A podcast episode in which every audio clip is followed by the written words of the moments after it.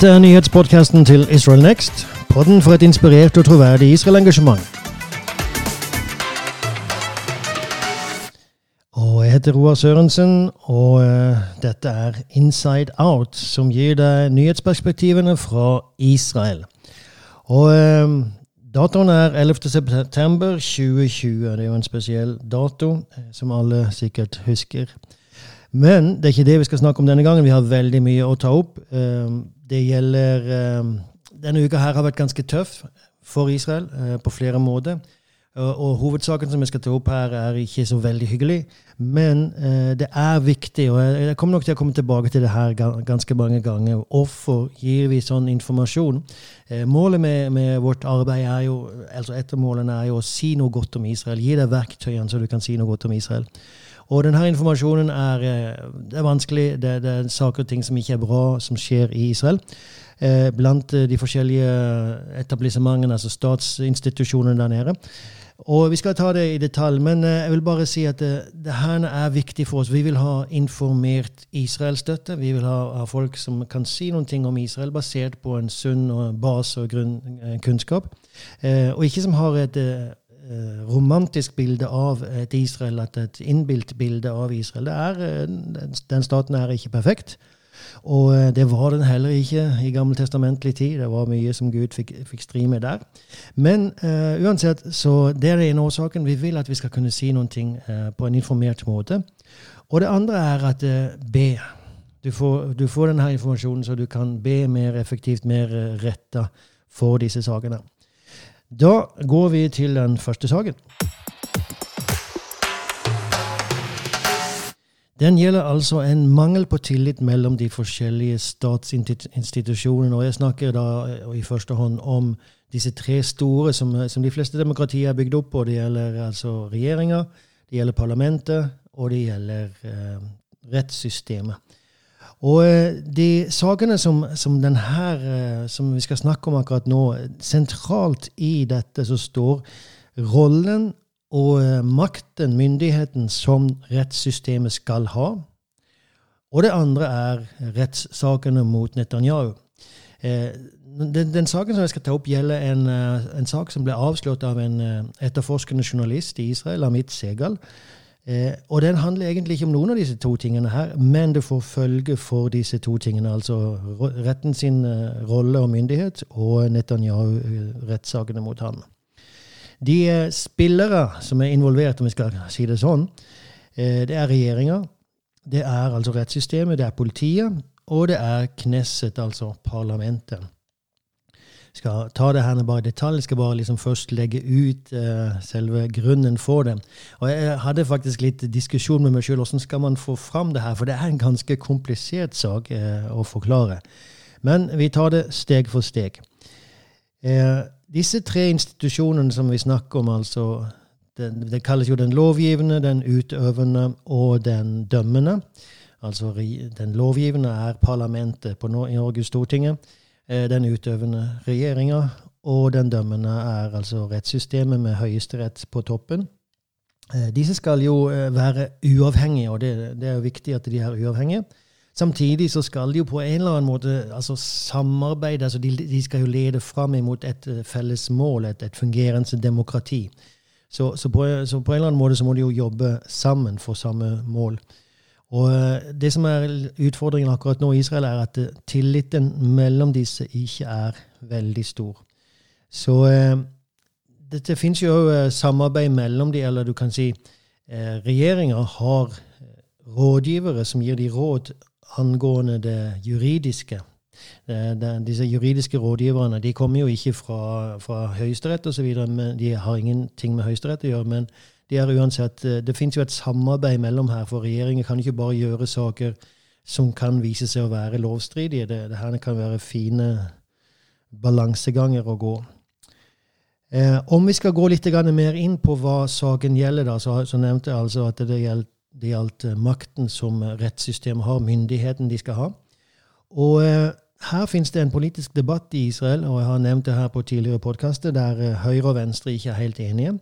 Så på høyresida så vil man at Høyesterett skal bryte mindre inn. For det, den siste tida, spesielt de siste 25 åra, så har Høyesterett blitt mer og mer aktiv i det som på engelsk kalles judicial review.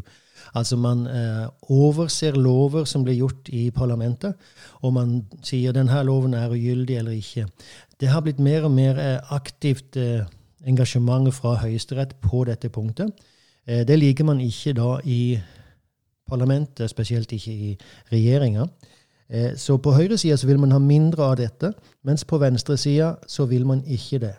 Problemet som vi har akkurat nå, er at i Israel så sitter både høyre og venstre i regjering. Det er en samlingsregjering.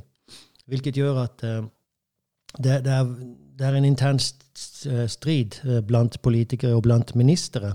Så blant annet da justisministeren er fra Venstre, fra Blåhvitt-partiet, og er helt OK med den rollen som Høyesterett og rettssystemet har i dag.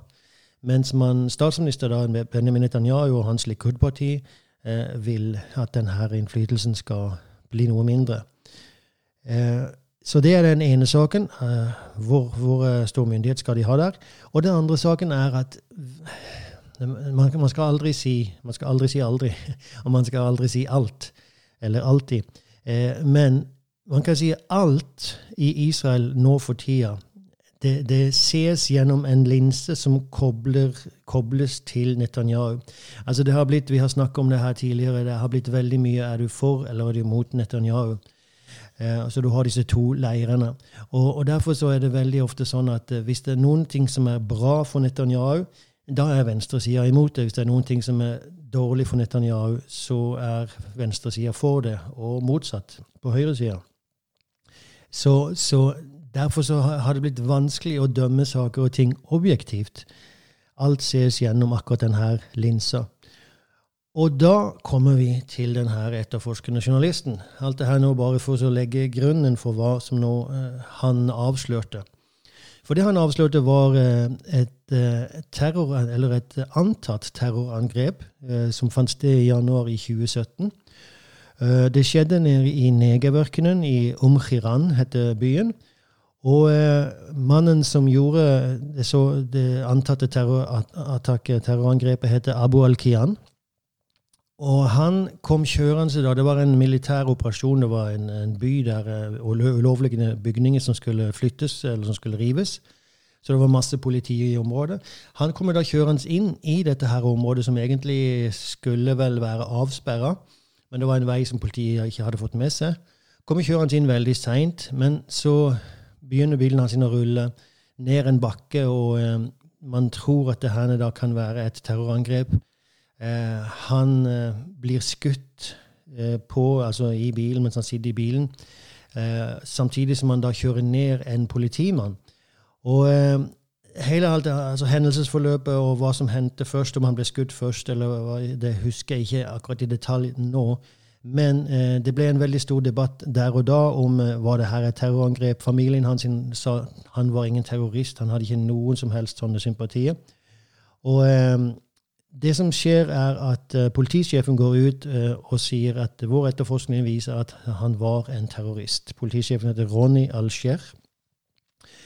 Eh, dette blir jo da tatt opp av politikere som sier ok, vi har en politietterforskning som sier at det her det var et terrorangrep. Så politikere, Netanyahu og, og andre, gikk ut og sa det her er et terrorangrep. Seinere så viser det seg gjennom en etterforskning som, eh, som politiets Spesialenheten for politisaker eh, altså det Machas heter det i Israel, men på norsk så blir det Spesialenheten for politisaker etterforska. Og eh, da viser det seg at de kommer fram til konklusjonen det her var ikke et terrorangrep. Han var ingen terrorist. Og eh, dette tas da til statsadvokaten. Statsadvokaten som allerede da er dypt involvert i disse eh, rettssakene, eller etterforskningene, mot statsminister Netanyahu.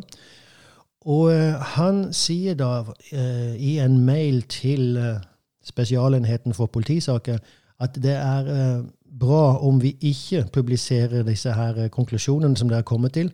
For det vil bare hjelpe de som er villige til å skade eh, institusjonene som overholder loven, altså the law enforcement establishment. Altså, det her vil bare hjelpe de som vil skade rettssystemet og politiet.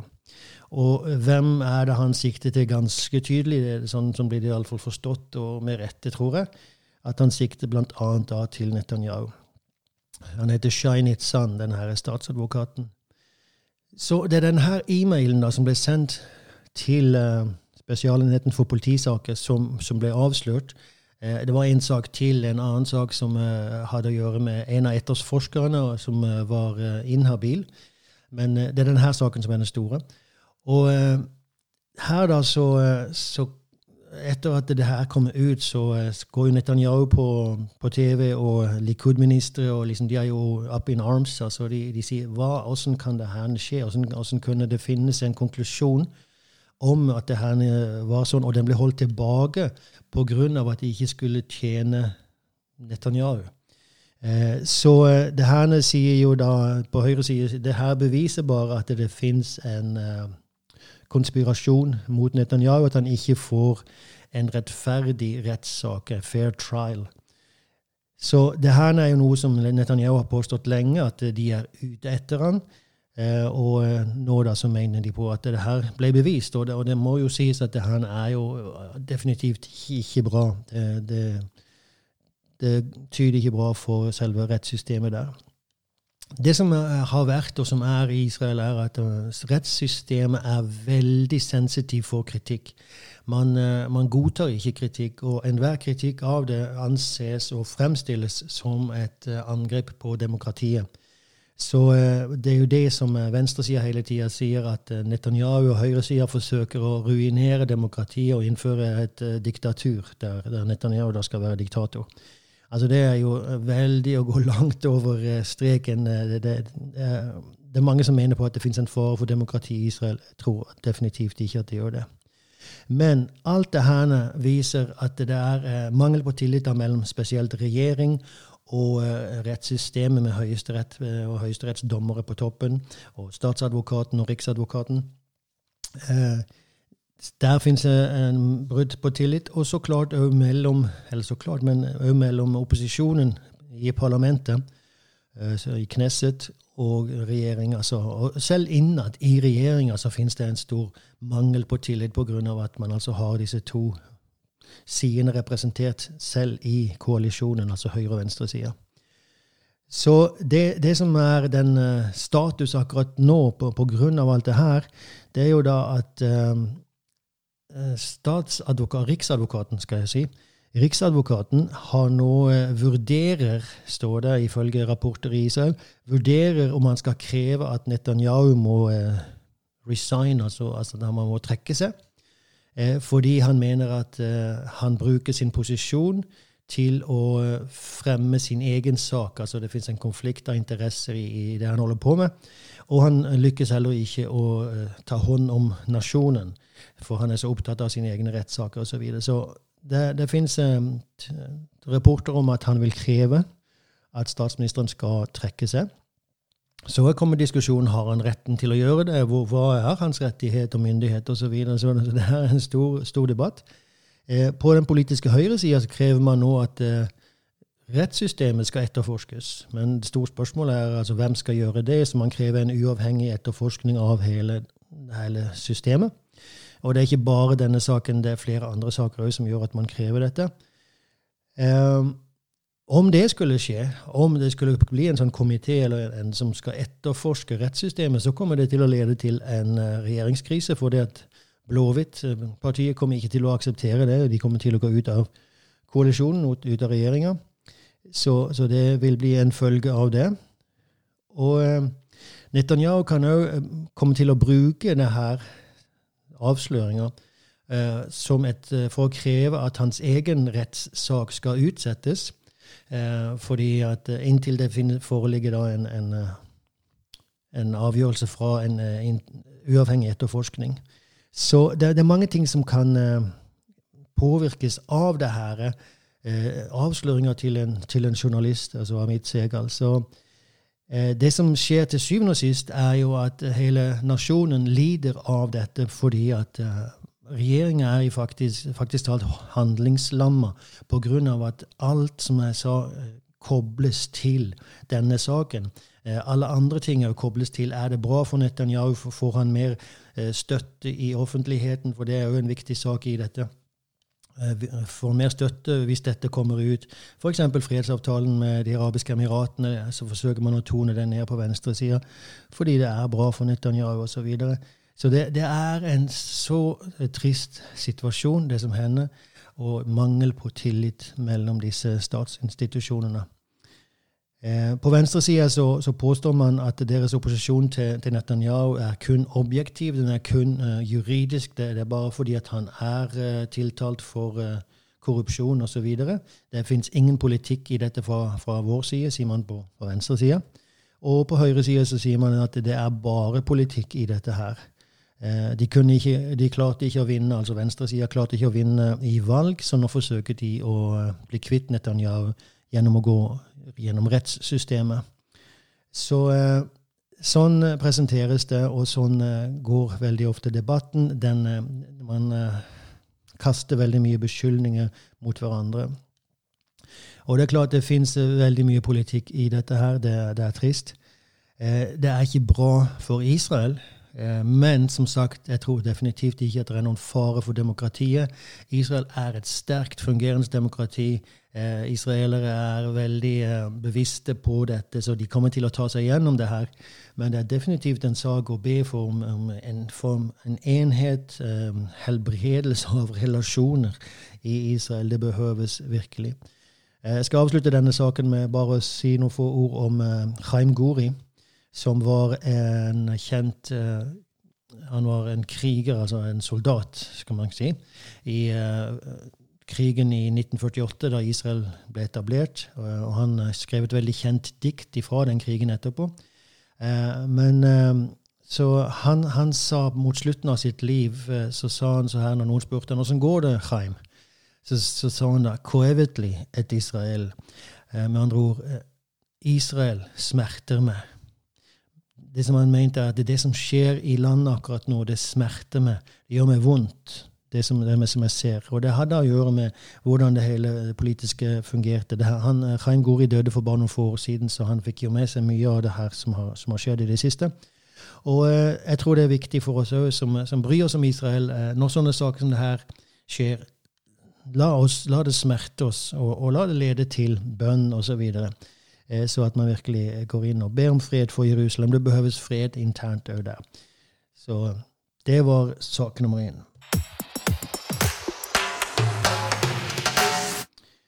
Neste sak har å gjøre da med korona, og jeg skal bare ta det veldig fort. Israel har hatt 4000 eh, bekrefta nye smittetilfeller de siste dagen, 4000 hver dag de siste dagene. Så nå eh, i går, eh, faktisk ja, i går, så bestemte regjeringa, eh, dvs. Si koronakabinettet, en del av regjeringa, bestemte at man må legge en landsomdekkende, landsomfattende stengning. Man må innføre det samme som skjedde da i, under påska, stenge ned hele landet under 14 dager.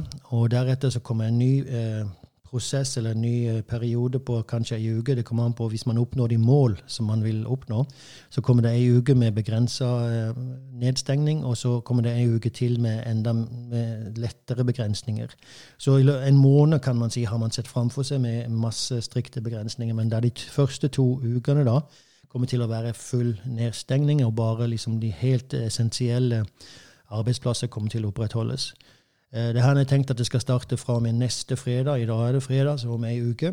Og det er eh, den dagen som uh, jødiske nyttåret begynner. Så det her kommer til å gå da for, på de jødiske høytidene. For det som skjer i Israel den kommende måneden fra og med neste fredag, det er uh, at de jødiske høytidene kommer på løpende bånd. Så det begynner med nyttår på fredag, lørdag, søndag. Og så kommer det da, etter det, ti dager etter det, så kommer Yom Kippur, den store forsoningsdagen. Fem dager etter det så kommer Sukkot, som varer i åtte dager. Eh, og så kommer Simchat Torah. Så man har nesten en måned her med, med høytider der eh, barn uansett ikke går på skolen. Og der mye av eh, forretningsliv og mye av arbeidsplasser stenges ned under lange perioder.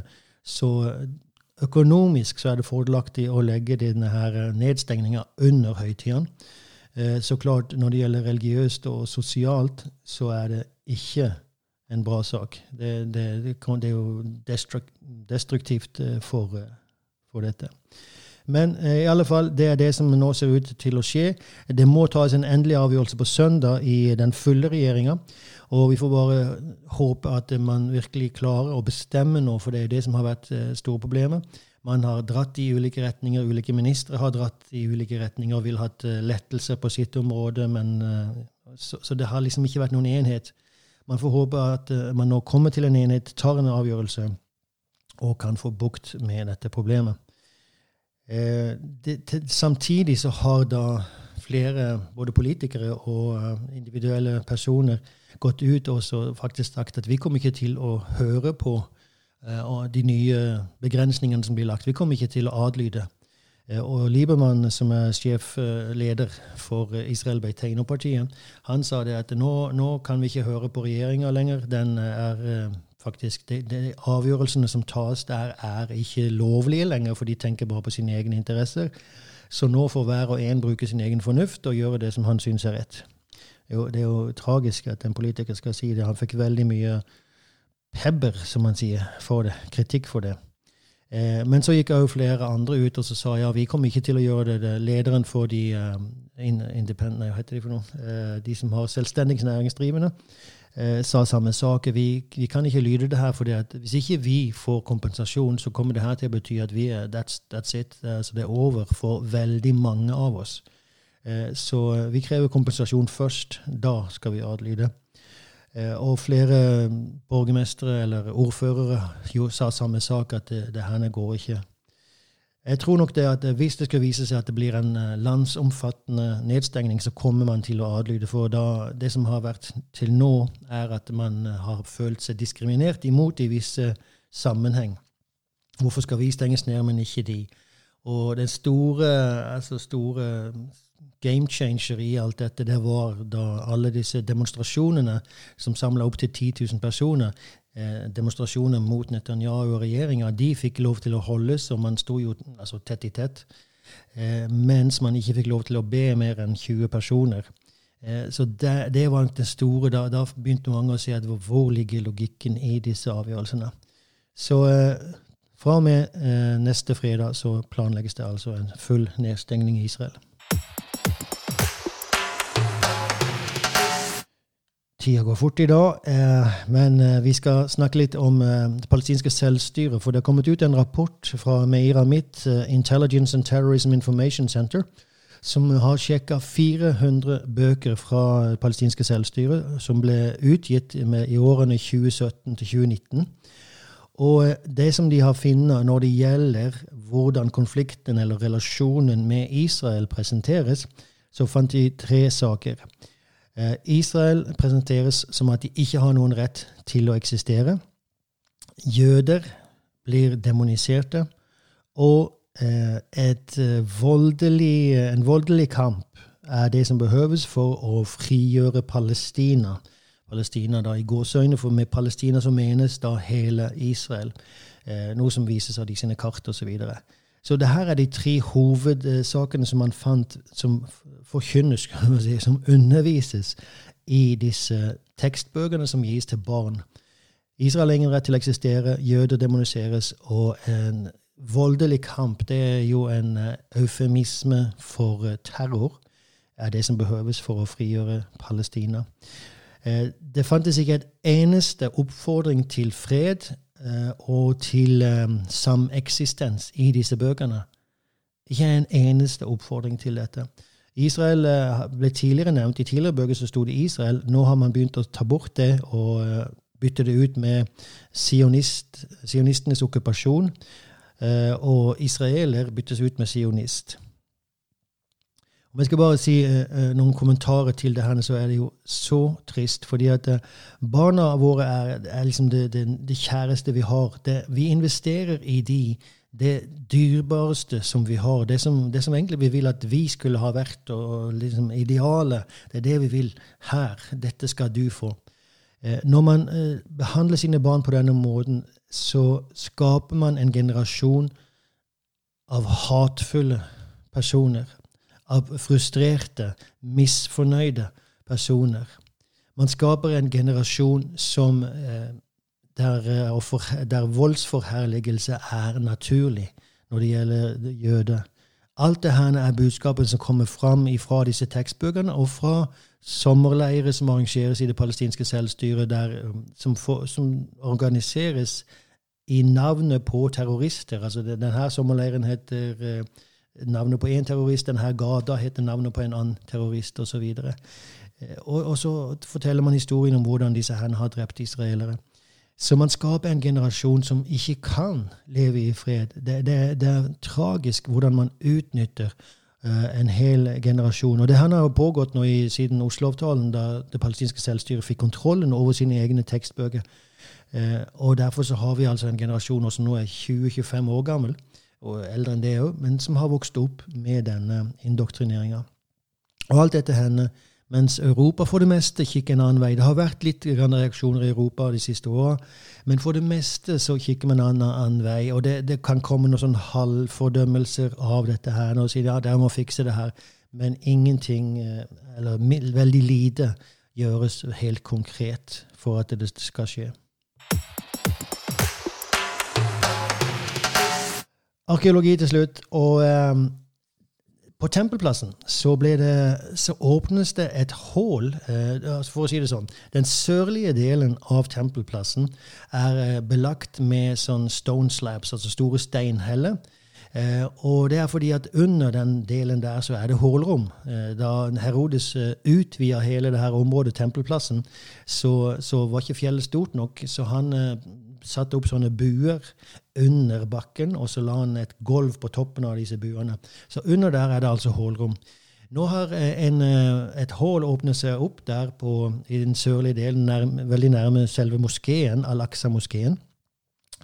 Og eh, israelske eh, arkeologer de krevde jo med en gang la oss få, få utforske det her, la oss få se hva det her er. Det her har jo, har jo aldri hendt. liksom. Det, det, skjer ikke. Og spesielt ikke at vi får vite om det. Så man krevde da at uh, Israel skulle tillate at uh, arkeologer kunne komme opp og sjekke det her, ta, ta bilde av det. Man engang, man krevde ikke en full uh, utgraving, men i alle fall at man skulle få sjekke hva det her var.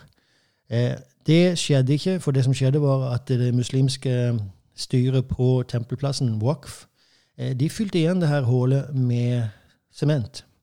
Det var ikke kjempestort. Det var 30 ganger 40 cm stort, og så var det ca. 70 cm dypt. Men uansett så er det noen ting som ikke skjer. Og det, det har ikke vært utgravinger på tempelplassen fordi at uh, muslimene nekter dette.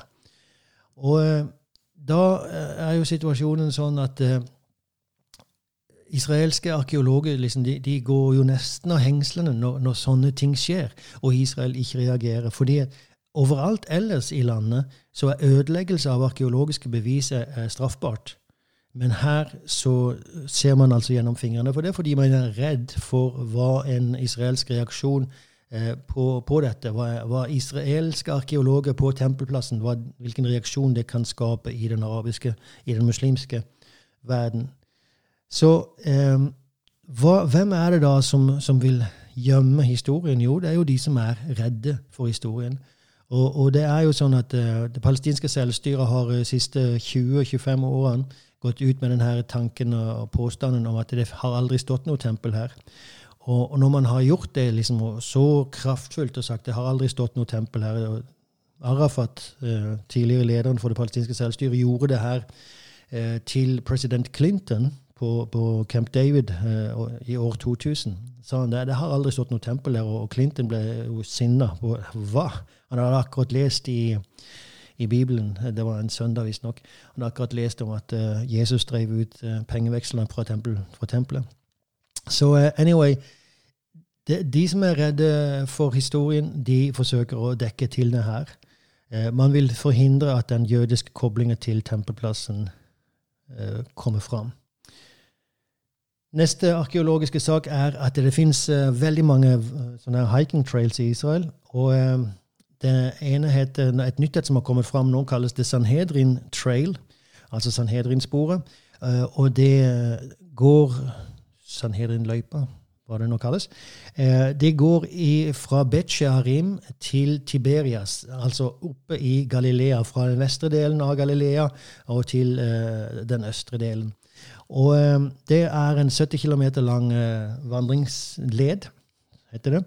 Og eh, den eh, tar det da gjennom egentlig eh, etter bibelsk historie, postbibelsk historie, det andre århundre, fra år 135 til 429, for å være eksakt. Og det var den tida da Sanhedrin fantes der oppe i Galilea. Så det, det, er jo ikke sånn bibelsk kobling, men naturen og omgivelsene er jo fantastiske. Så det er bare en en fin uh, tanke. Og så er det jo masse arkeologi underveis, da, for man går fra Betja Arim, som er helt utrolig arkeologisk, eh, Usha, der man holder på å grave ut nå, og så kommer man videre gjennom de forskjellige plassene. Eh, neste sak. det har avdekkes en pottery workshop, altså en plass der man lagde keramikk, kar av keramikk, straks utenfor Jerusalem på Bibels tid. Men i dag så er det i Jerusalem, og for du som er kjent der, så er det hvor Crown Plaza-hotellet ligger. Eh, og eh, Jerusalem Convention Center. Det ligger jo med inngangen til Jerusalem, ikke så langt ifra den her ganske relativt nye broa. Eh, Geshur Hameitarim, den, de her strengene som kommer ned. Så uansett, der ved inngangen til Jerusalem, sentrale bussholdplassen, og ligger også der. Der har man nå gravd ut fordi man har drivet og bygger. Og man har funnet det her altså, der man lagde en sånn her fabrikk, kan man si, der man lagde keramikk. Og eh, man fant ut at det her var en helt spesiell eh, oppskrift på keramikk, på leire, eh, som jøde da eh, opererte denne fabrikken fram til år 70. Altså den, den ble, var i operasjon fra ca. 150 før Kristus til år 70 etter Kristus. År 70 så kommer romerne inn og tar over det her og man ser hvordan det hele forandres. Man bruker en annen form for, for leire. Og det er andre form for kar som uh, produseres. Uh, og det er den romerske tiende legionen som altså tok Jerusalem i år 70 og ødela tempelet. Det er de som tar over denne driften av denne plassen. Eh, interessant bare fordi at denne plassen ligger på veien mellom Jerusalem, på bibelske Jerusalem og Ein Kerem, som ifølge tradisjonen er plassen der døperen Johannes ble født. Så det er jo veldig sannsynlig at uh, Jesus ville ha passert forbi denne fabrikken uh, nå og da. Og uh, bare en sånn interessant sak som igjen gir litt farve på hvordan så det ut her i det området på Jesu tid. Siste sak som vi skal ta opp, er den asyriske rampa i Aseka. Jeg har tidligere nevnt at det pågår utgraving i Aseka også i sommer. Det er jo en av de få plassene der pågår. Uh, utgravingene der ledes av kvinner. Det er liksom det er ganske unikt. Men det man har funnet nå, er en uh, rampe fra uh, eh, 700-tallet, altså 701 for å være nøyaktig, så kom uh, Senakerib, Sanherib Det er alltid et problem med navn. King Senakerib Eh, han kom til eh, Judea for å innta Judea. Kong Hiskias var konge på den tida i Jerusalem. Jesaja var der med han. Men eh, Hiskias ville ikke betale skatt til asyrene lenger, så da kommer Senakerib, Sanherib og uh, tar over eh, store deler av Juda. Og Blant annet så legger han beleiring på Jerusalem, men klarer aldri å innta det. Men han tar Aseka, som ligger litt sør-vest for Jerusalem. Og her så beskriver han eh, hvordan ble, plassen ble inntatt. Det er en inskripsjon som kalles Aseka-inskripsjonen. Og den er litt brutt på visse plasser, så det er ikke helt sammenhengende. Men The city of Aseka, uh, located on a mountain ridge, like pointed iron daggers, without numbering reaching high to heaven. Its walls were strong and rivaled the highest mountains. By means of beaten earth ramps battering rams. I captured, I carried off its spoil. I destroyed, I devastated. Så det han beskriver her, altså en stor by med kjempetårn som ligger høyt oppe. Og uh, så kom han der til, og så ved hjelp av en rampe så inntok han denne plassen. Og, så tok han vekk uh, tok han alt sitt krigsbytte, da. Men denne rampa er altså hva man nå har funnet, en rampe som går tilbake til den asyriske beleiringa av uh, av plassen. Alt det her står det om i Bibelen. Ikke, det står om Aseka òg, men ikke spesielt om slaget. Men det står at uh, asyrene tok Aseka. Så, så, man har det her bekrefta fra flere kilder. Man har denne inskripsjonen, man har arkeologien, og man har Bibelen. Det samme har man fra Lakish, eh, som er faktisk enda sterkere beviser på det. Men igjen, det er bare interessant hvordan arkeologi beviser Bibelen. Ok, det var det. Vi har allerede holdt på veldig lenge. Det, var, det er faktisk mer å snakke om, men vi får stoppe der. Eh, bare påminne deg om at eh, hvis du eh, vil støtte dette arbeidet, så er vi veldig takknemlige for det. Da har du mulighet til å gi på VIPS. Du bare søker på Israel Next. Eh, eller du kan gå på vår webside israelnext.com. Hver gave mottas med stor takk. I mellomtida så sier vi bare si noe godt om Israel.